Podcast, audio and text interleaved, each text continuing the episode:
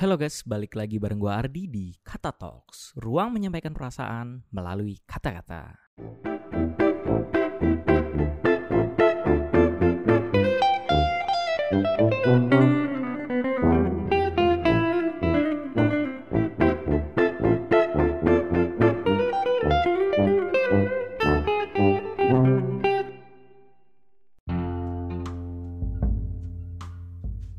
So, gimana kabar teman-teman semua? Semoga tetap baik-baik aja dan lancar aktivitasnya. Tetap jaga kesehatan karena gimana pun juga kita masih dalam keadaan yang belum baik-baik aja. By the way, di sesi Let's Talk sebelumnya, gue udah bahas tentang mendaki kebahagiaan. Kita udah mendalami tentang teori Maslow yang berkaitan sama piramida kehidupan.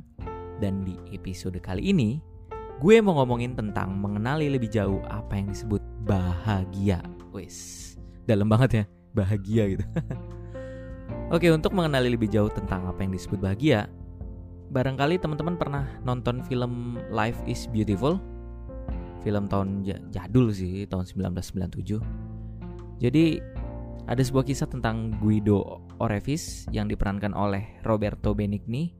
Dia itu sekaligus penulis cerita dan sutradara film ini juga. Di film Life is Beautiful ini kita akan ngomongin tentang ilustrasi yang mungkin akan ngebantu kita untuk paham tentang arti mendaki kebahagiaan. Jadi begini ceritanya. Pada tahun ketika Nazi Jerman meluaskan sayapnya dan melakukan pembersihan besar-besaran terhadap orang Yahudi, Guido Orevis ini adalah seorang Yahudi yang juga jadi korban. Emang sih dia itu tinggal di Italia, tapi sayangnya Benito Mussolini yang jadi pimpinan fasisme di Italia juga sekongkol dengan semangat fasisme Adolf Hitler. Kita tahu kalau Perang Dunia Kedua ini ada blok yang dikenal dengan blok poros, kekuatan perang Perang Dunia Kedua, yang isinya ada Jerman, Italia, dan juga Jepang. Nah Guido ini akhirnya dibuang ke camp konsentrasi atau camp pengungsian. Guido ini dikenal sebagai pribadi yang periang sejak dia masih bujangan. Bahkan dia nggak pernah sungkan untuk ngelakuin hal-hal yang dianggap lucu, kolokan, demi meraih apa yang diinginkan gitu. Hidupnya terasa sudah lengkap kala itu. Dia punya istri seorang guru, terus juga dia punya toko buku yang sederhana. Tapi sayang, kini dia ditantang untuk ngebuktiin bahwa kebahagiaan yang dia miliki ini nggak bisa dihancurkan oleh siapa pun, termasuk kekejaman Nazi. Celakanya, dia dimasukin ke camp konsentrasi bareng sama anaknya. Tantangan kali ini adalah dia harus menyalakan kebahagiaan itu.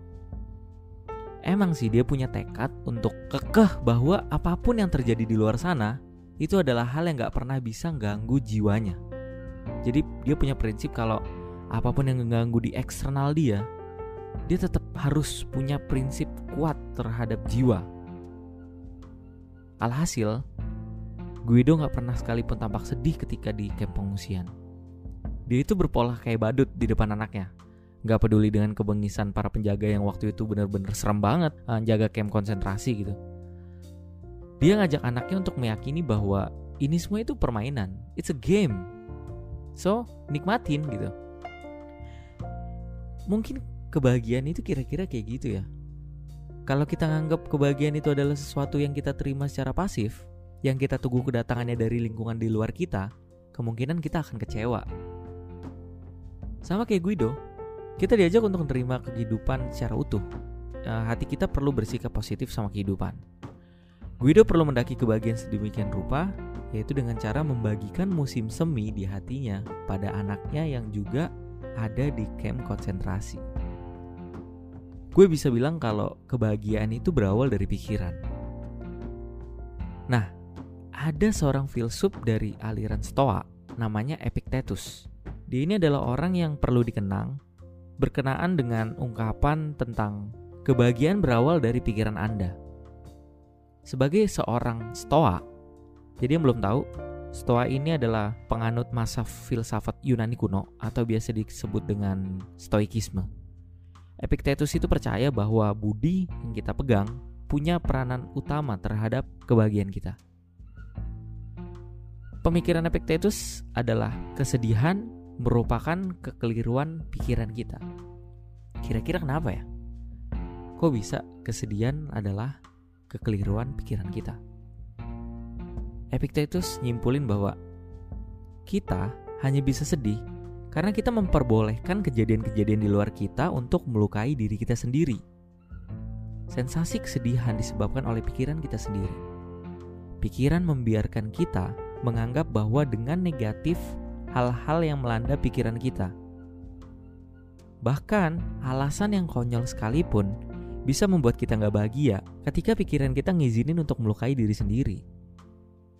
Terus, gimana sih prinsip kebahagiaan menurut Epictetus? Sebenarnya hampir sama sama yang pendapat dari Albert Camus. Epictetus menjelaskan bahwa yang pertama, segala yang terjadi di luar kendali kita, kayak cuaca, wabah, kesialan, sewajarnya itu nggak perlu kita risaukan. Kejadian itu melanda tanpa pernah permisi sama kita. Jadi kita nggak pernah punya alasan untuk sedih terhadap hal itu. Kita hanya perlu menanggapi sewajarnya saja gitu. Kayak kita perlu aware, perlu aware banget, perlu. Tapi sewajarnya aja gitu. Yang kedua, reaksi-reaksi jiwa yang positif berjalan dengan kehendak pikiran kita. Hendaknya segala emosi itu berjalan dengan apa yang kita buat dan kita pengen. Gak ada siapa pun yang bisa memerintahkan kita untuk bersedih atau untuk bahagia, kecuali pikiran kita sendiri. Satu hal yang perlu kita sadari di sini adalah kita adalah tuan dari pikiran kita sendiri. Not this. And remember, kita adalah tuan dari pikiran kita sendiri. Jadi, bahagia adalah tanggung jawab kita. Kita nggak pernah punya kewajiban untuk ngebahagiain orang lain.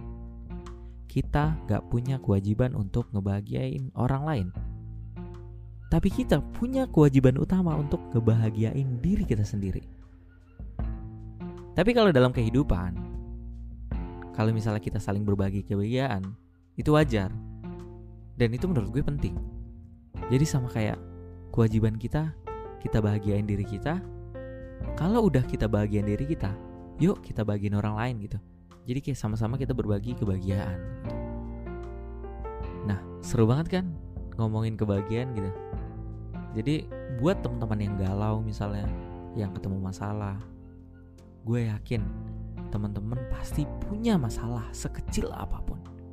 But remember guys, kita adalah tuan dari pikiran kita sendiri.